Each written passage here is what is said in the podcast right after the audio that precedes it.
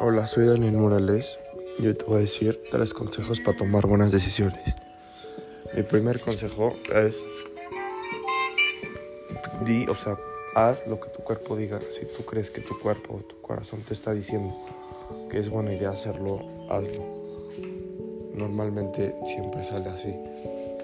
La otra es que tienes que ver los pros y contras que tiene la, la toma de la decisión que vas a hacer. Si tu decisión va a ser mala, va a tener más consecuencias malas, va a tener más contras que pros. Entonces tienes que ver eso. Y la otra es tomar una decisión que no afecte a los demás. O sea, porque no por tu salvarte vas a meter a otro en problemas y no lo vas a, o sea, va a ser un problema por tu culpa. Entonces, pues esos son mis tres, mis tres cosas para intentar dar una buena, para poder tomar una buena decisión.